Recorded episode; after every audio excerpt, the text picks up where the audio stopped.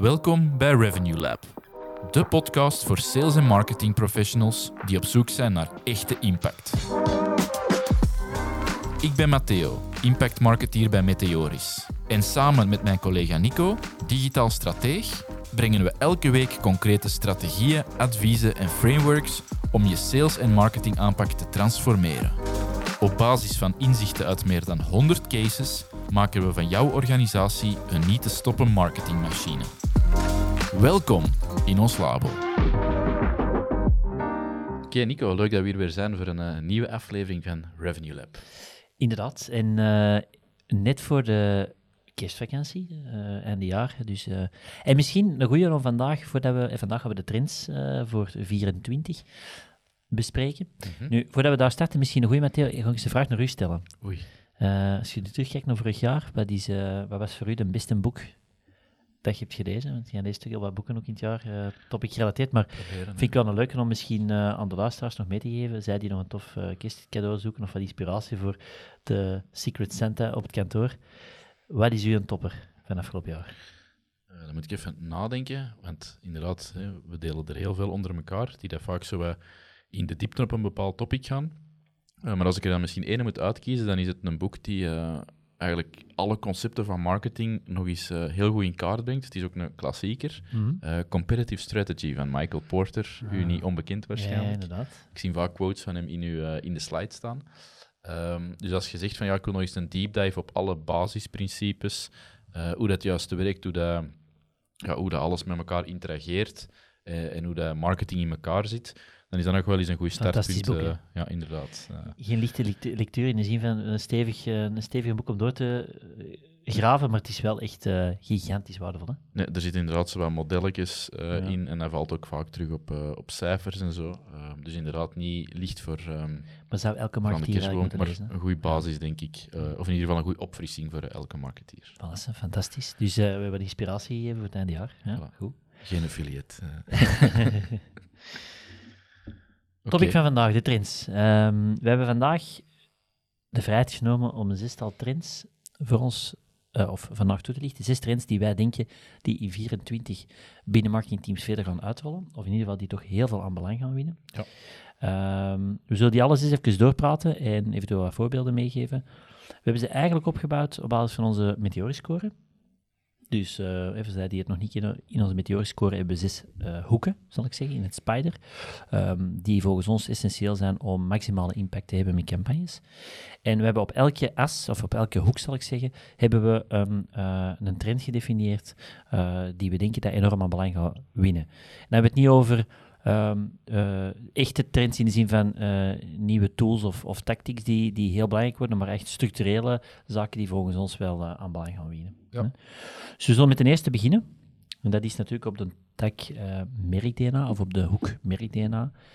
Um, eentje die jij wilt brengen eerst? Dat is goed. Dat is de why, het belang van een merkverhaal. we zien meer en meer dat um, er heel veel Engels term commoditization aan de gang is. Uh, dus er is heel weinig onderscheid uh, in, in ja, zeker helemaal onderaan de funnel, echt, uh, waar dat mensen in koopmodus zijn, tussen verschillende partijen of producten of diensten die worden aangeboden.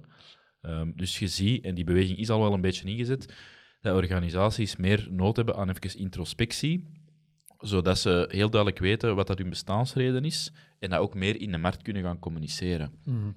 Um, zodat ze richting die 97, 98 procent um, die vandaag nog niet in koopmodus is, dat ze daar al een onderscheidend iets beginnen opbouwen en dat ze een voorsprong hebben als ze bij die 2, 3 procent uh, mensen in koopmodus uh, aankomen. Ja, inderdaad.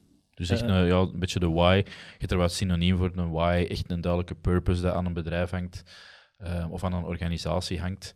Um, een, een, een meer onderscheidend iets om mee te gaan communiceren in, uh, mm. in de markt, waar dat je de afgelopen, ik wil zeggen tien jaar, het zal zo ongeveer wel iets zijn, of misschien langer zelfs, waar dat er heel hard werd gefocust op, hè, we gaan die mensen afvangen of we gaan die mensen proberen te converteren die dat echt nu aan het zoeken zijn.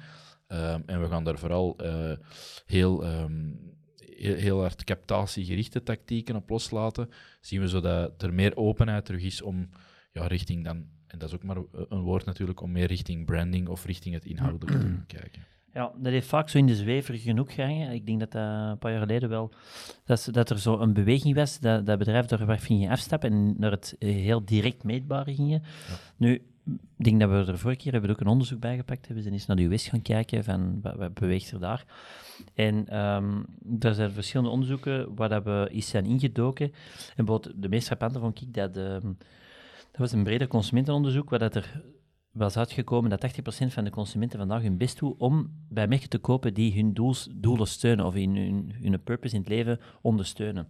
Ehm, dus het is wel belangrijk, denk ik, om dat te beseffen dat, ehm, dat het bewust aankoopgedrag, het bewuster omgaan met merken, dat dat alleen maar aan belang aan het stijgen is. Je ziet dat, je ziet dat niet alleen ehm, in dat onderzoek, maar je ziet dat in het algemeen ook als het gaat over eh, klimaat- of milieutopics. En dan, dan komen er toch heel sterke stemmen naar boven. Ehm, en als merk moeten daar echt bewust van zijn. Dus het, het, is, het is niet eh, vanuit greenwashing eh, concept, maar echt puur vanuit... Ja, mensen willen zich daar echt mee gaan associëren. Dus ehm, het wordt gigantisch belangrijk om dat voor jezelf, één, helder te bepalen. Twee, te zien dat dat relevant is voor de mensen die je wilt bedienen. En drie, ervoor zorgen dat je dat consistent op elk aspect gaat overtalen. In je communicatie, maar ook in je werking en de manier waarop je vandaag met je klanten samenwerkt. Dus meer dan ooit eh, belangrijker. Ja. De return of the why had je het Return eh, of the why. genoemd. Echt heel duidelijk eh, gaan achterhalen hoe dat jij nu concreet als merk of als organisatie het verschil maakt. En dan kunnen daar heel veel rond gaan ophangen qua communicatie en qua marketinginitiatieven.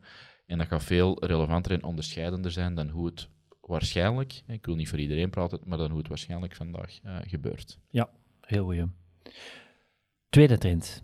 Ehm, we hebben het genoemd, back to the data essentials. Ja. Ehm, wat willen we daarmee zeggen? De afgelopen jaren eh, zien we een overload aan eh, datapunten die meetbaar zijn in alle verschillende marketingtools. Eh de toolstack van marketeers is alleen maar breder geworden. Elk datapuntje is meetbaar, ehm, maar het is bijgevolg ook overal. Eén. En twee, we zien dus gigantisch veel data. En twee, we zien dat die data alleen maar afneemt in de zin van eh, accuraatheid. Hè. Dus eh, in 2018 is er toch een grote stap gezet met heel het eh, GDPR-verhaal. En dan als je nu kijkt naar de beperkingen door de cookie policies die, die strenger en strenger worden, zie je dat je eigenlijk minder en minder datapunten gaat krijgen. En daarbovenop merkte bij heel wat marketeers of marketingteams ehm dat zij het, overzicht niet meer zien en dat ze eigenlijk eh, moeite hebben om in te schatten, maar wat is hier nu echt belangrijk? En welke datapunten moeten we nu echt gaan meten? En we zien daar wel een hele ommezwaai gebeuren, dat er bij wijze van spreken, van de, dat we gaan evalueren van de dashboards van met 100 metrics, naar bij wijze van spreken vijf essentiële cijfers die, ehm, die aangeven hoeveel impact dat eh, die marketingprogramma's vandaag maken. Dus een, een, allee, ik denk dat er een gigantische ommekeer gaat komen eh, in het, eh, het, ja, het rapporteren van data. Wat dat niet wil zeggen dat het verzamelen van die data blijft, hè, want ik denk meer dan ooit belangrijk om eigen data te gaan verzamelen. Maar naar rapportering denk ik dat we een gigantische vereenvoudiging gaan, eh, gaan zien volgend jaar. Ja, je ziet je stroom ook eh, wel ergens dat organisaties of zaakvoerders of marketingmanagers eh, minder onder de indruk zijn van een marketeer, intern of een externe partner, die dat er met allemaal cijfers komt goochelen. Eh, die willen er heel sterk doorgaan en die hebben er ook heel veel stappen in gezet om beter te begrijpen wat dat er, eh, wat dat er feitelijk beweegt of wat dat de cijfers betekenen, wat dat de metrics betekenen.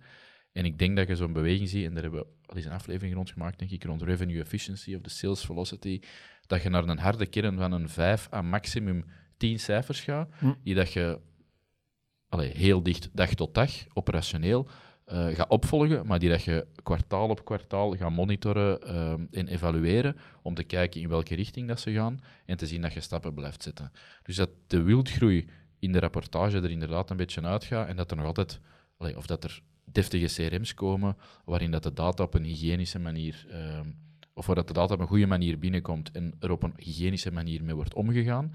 Eh, dus dat je een goede set hebt om iets over te zeggen en om iets mee te gaan doen. Maar de feitelijke rapportage, dat dat echt wel naar de, naar de essentie gaat. En dan gaat dat over dingen die dat samenhangen met de fase van de funnel waar dat, ehm, gebruikers mogelijk in zitten of waar dat de campagnes relevant voor zijn, tot aan effectief formules zoals de, de sales velocity. Eén cijfer, opgebouwd rond vier parameters, dat, dat aantoont hoe efficiënt dat je marketingprogramma of je sales- en marketingprogramma vandaag is. Eh, dat zit ook native in een paar oplossingen in, Ja. Zodat je heel duidelijk kunt zeggen, oké, we zijn stappen aan het zetten.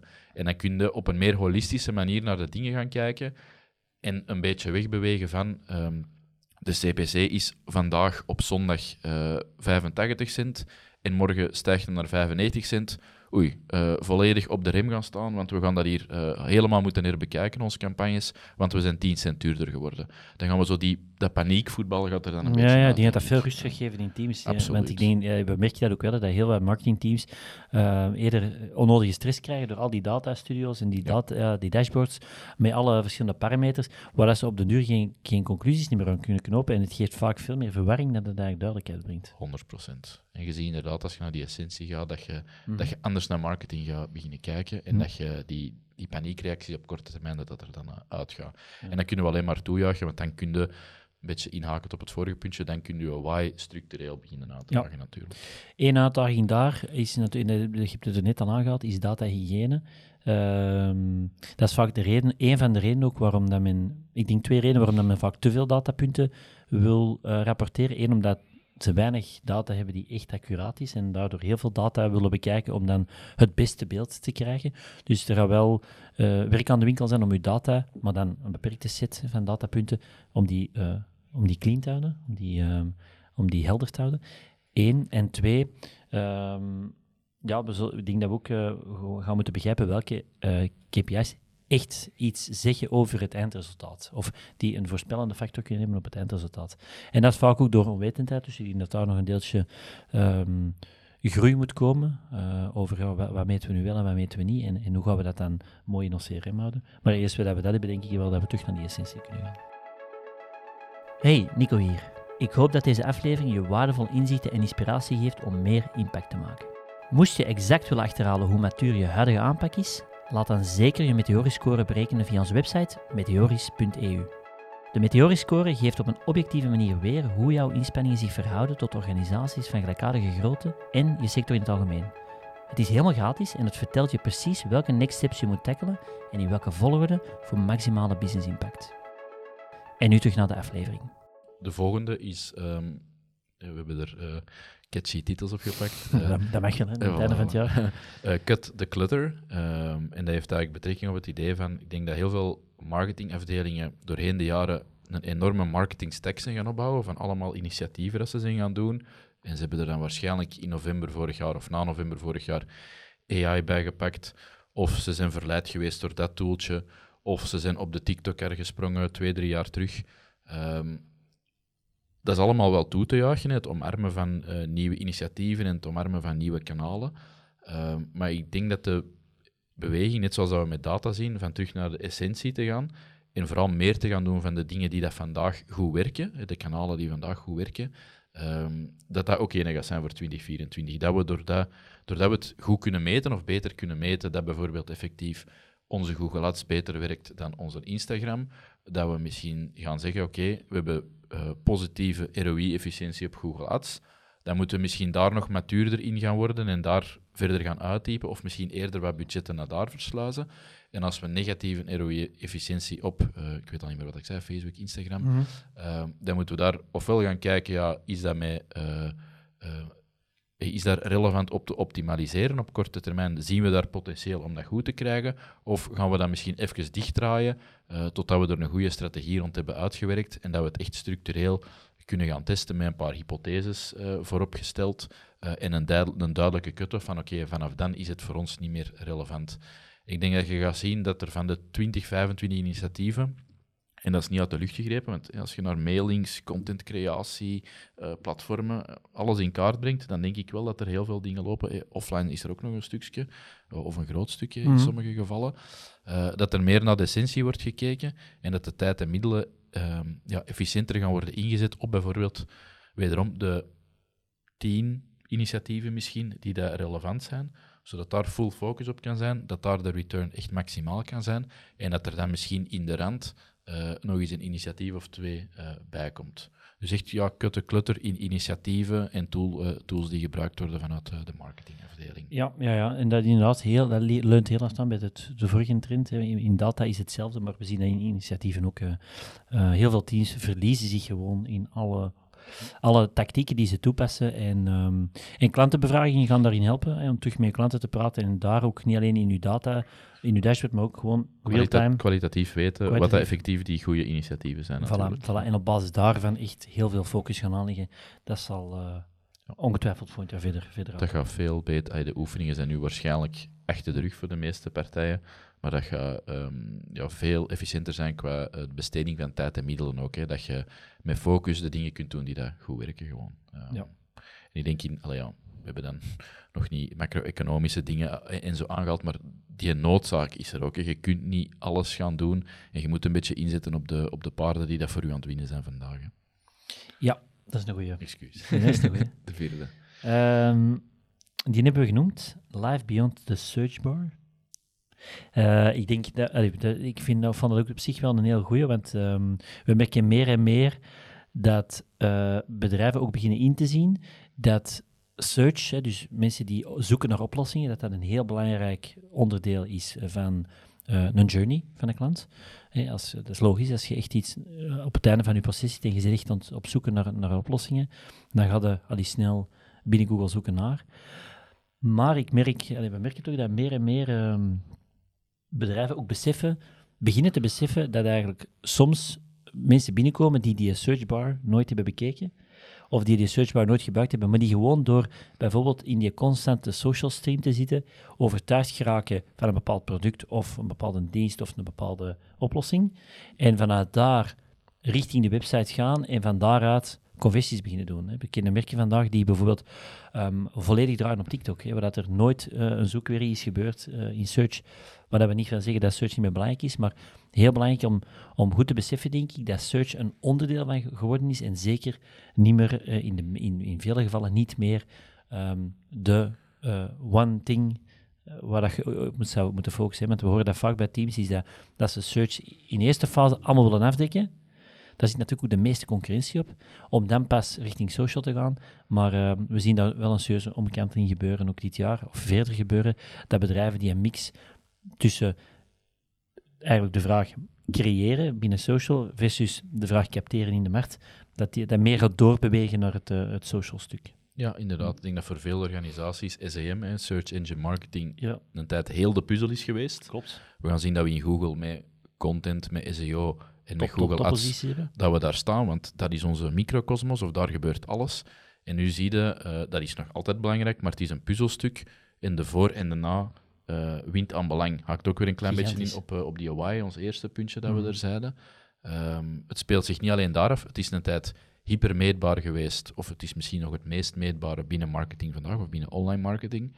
Ehm, maar ja, er is echt een groeiend besef geweest dat er nog veel voor en na komt. En daar gaan organisaties ook meer op inzetten. Ehm, waarmee ik eh, niet wil zeggen dat dat dan eh, op SEM dat dat dan verkeerd is, maar het is een onderdeeltje van. Het mag niet heel uw, heel uw verhaal zijn, eh, want dan gaat er ook heel veel missen. Ehm, er zijn maar een x aantal, of een bepaald percentage is maar actief aan het zoeken. En je wilt natuurlijk veel breder gaan, omdat je je why ook weer in de markt wilt zetten. hè. Ja, dus belangrijk om te beseffen, ik denk ook is interessant om naar jezelf te kijken binnen het bedrijf. Hoe hard zetten wij in op die searchresultaten en is dat vandaag voor ons 80% van onze focus? Eh, belangrijk denk ik om echt wel eens te overwegen door met klanten te babbelen eh, en door misschien eens introspectie te doen of dat dat effectief nog wel zo is. En ik denk dat je daar ook eh, naar verschuivingen gaat moeten kijken. Ja. Vijfde puntje is, eh, ik denk, we zien dat er ja, heel veel de marketing misschien een klein beetje aan het wegbewegen is van het zuiver technische en dat die ook meer en meer creativiteit aan het omarmen zijn. En we hebben zo een klein beetje het idee met de bewegingen dat we zien, dat technologie daar een hele grote rol in gaat spelen. Doordat technologie bepaalde manuele processen die dat vandaag worden uitgevoerd door de marketeers of de marketingafdelingen, eh, door die te gaan automatiseren. Eh, automation tools, eh, we willen hier dan AI nog eens effectief benoemen, die gaat bepaalde dingen ehm, van uw bord kunnen nemen, waar je dan uiteraard nog altijd denkwerk rond moet verrichten.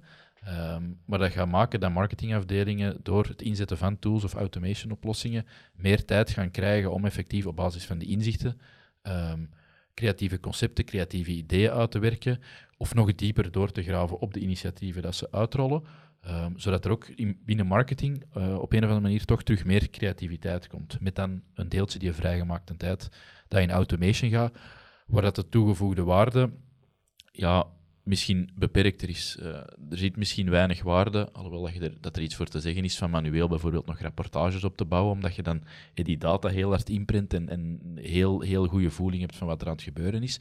En daar is misschien ergens nog wel ruimte voor, maar er kunnen perfect automatisch rapporteringen worden, worden opgemaakt en die vrijgemaakte tijd kan dan voor andere dingen worden gebruikt. Dus ik denk, er zijn al marketeers dat er heel ver in gaan, sowieso.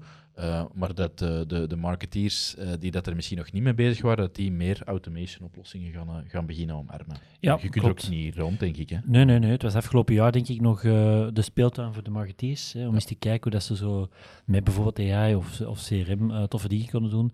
En dat zal zich vol, volgend jaar, denk ik, in verder echt een goede use cases gaan vertalen om inderdaad een deeltje proces te gaan optimaliseren, om ik nog meer creativiteit los te weken en om ook een deel snellere data-analyse te doen. Want daar denk ik ook dat het super relevant geworden. Die CRM zitten vol data, um, maar manueel daaraan beginnen is voor heel wat uh, teams natuurlijk een struggle.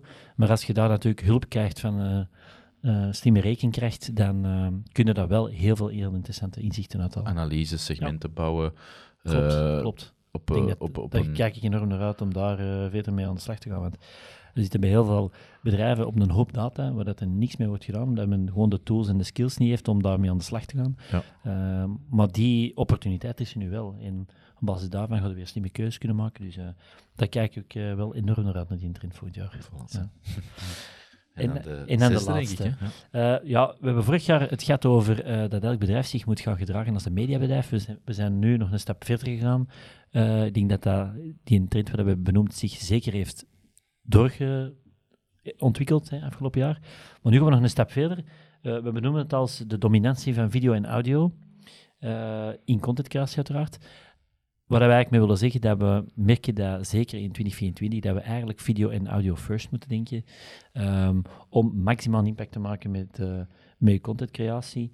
Um, we zien het, het podcaststukje, het audiostukje, gigantisch ook gegroeid weer al afgelopen jaar. Video um, uh, nog harder. Dus, uh, en we zien ook dat gewoon in elke case dat we doen, dat we daar veel meer impact mee maken. Dus het zal zeer, zeer, zeer dominant worden in 2024. Ja, inderdaad. Ook, ook, omdat er heel veel uitvloeimogelijkheden zijn. En van ergens in de basis iets te capteren in videovorm. En dan kunnen er alle richtingen uit tot effectief tekst afgeleiden toe. Um, tekst starten, dat zeggen we ook vaak, vanuit tekst starten, uh, vanuit tekstvormen uh, starten in ja. 2024 is eigenlijk uh, al deels achteruit. Hè. Ik denk dat we altijd eerst aan het video en audio moeten denken, om dan eventueel af te leiden naar... Ja, anders gaat in de feed gewoon letterlijk niet meer opvallen. Hè. Het, is een, ja. het is een voorzichtige ontploffing, maar het begint wel. Uh, dus mee op de kar springen. Als natuurlijk uw UI goed zit, want in het wilde weg zomaar videoconcepten de wereld induwen, dat, dat is ook niet de bedoeling. Uh, daarmee dat het eerder tegen het einde komt. Mm -hmm. um, maar als je een, een why een duidelijk verhaal hebt en je kunt het dan in, in hapklare stukken in de feed laten passeren en mensen laten doorstromen naar bredere video- of audioconcepten, uh, ja, dat gaat wel de manier zijn. Uh, dus 100% dat gaat, dat gaat alleen nog maar zotter worden in 2024. Ja, heel benieuwd naar. Ja. ja. Voilà, ik ben benieuwd hoeveel dat we er van die zes volgend jaar effectief betaald zien. Hè? Ik denk dat voor 6 op 6. Uh, 6 op 6. voilà, ik zal ze misschien even samenvatten. Dus um, Return of the Why, een heel belangrijke. Dus uh, terug introspectie, purpose gaan definiëren, omdat consumenten meer en meer daar echt heel gevoelig van gaan worden. Um, back to die data essentials, dus uh, terug gaan kijken van wat, welke datapunten doen er nu echt toe, hè, welke vijf zijn echt belangrijk en al de rest gaan we overboord gooien, of toch in ieder geval voor de rapportering. Um, in focus, in de zin van wat, wat, doen we allemaal, op welke kanalen en wat doet er nu echt toe en, en welke houden we nog over. Dat we daar echt wel met marketingteams terug aan, aan focus gaan werken. Light Beyond the Search Bar besproken, waar we zeggen van ja, eigenlijk gaat het nog, het begint nog verder over te hevelen naar andere kanalen voor en na die searchbar. Uh, social is daar nog uh, meer en meer uh, een belangrijke in. Merken we trouwens, hebben we nog niet verteld, maar dat bijvoorbeeld die nieuwe kanalen ook onder de radar blijven qua zichtbaarheid. Dus als je vandaag vanuit TikTok um, naar de website zou gaan, dan zie je dat niet meer in je, in uw Google Analytics profiel, omdat dat binnen die app blijft en die data niet wordt doorgestuurd. Dus het gaat nog onzichtbaarder worden. Dus uh, bereid u daar zeker op voor en probeer verder te denken dan search. Hè. Dat is een heel belangrijk daar. En dan de laatste twee, uh, nieuwe technologie zal creativiteit en, laten we zeggen, uh, efficiëntie brengen mm in 24. En de laatste, video en audio, gaat zeer of gaat dominant worden in alle contentcreatie in 2024. Ik heb er al zin in. Ja? Denk, Ziet dat het, goede dingen gaan zijn voor bij organisaties binnen te brengen of ze daarmee te helpen. Hè. Ja. Voilà. In ieder geval veel succes ermee. En uh, moesten er mensen zijn die daar graag eens over zouden willen sparren, laat het ons weten. En anders kan het uiteraard ook gewoon via de website meteoris.eu. Dan helpen jullie graag verder. Of berekenen we eens de meteoriscore voor u helemaal klaar te maken voor 2024. En als er geen vragen zijn, dan uh, horen en zien we jullie graag tijdens onze volgende Revenue Lab. Tot dan.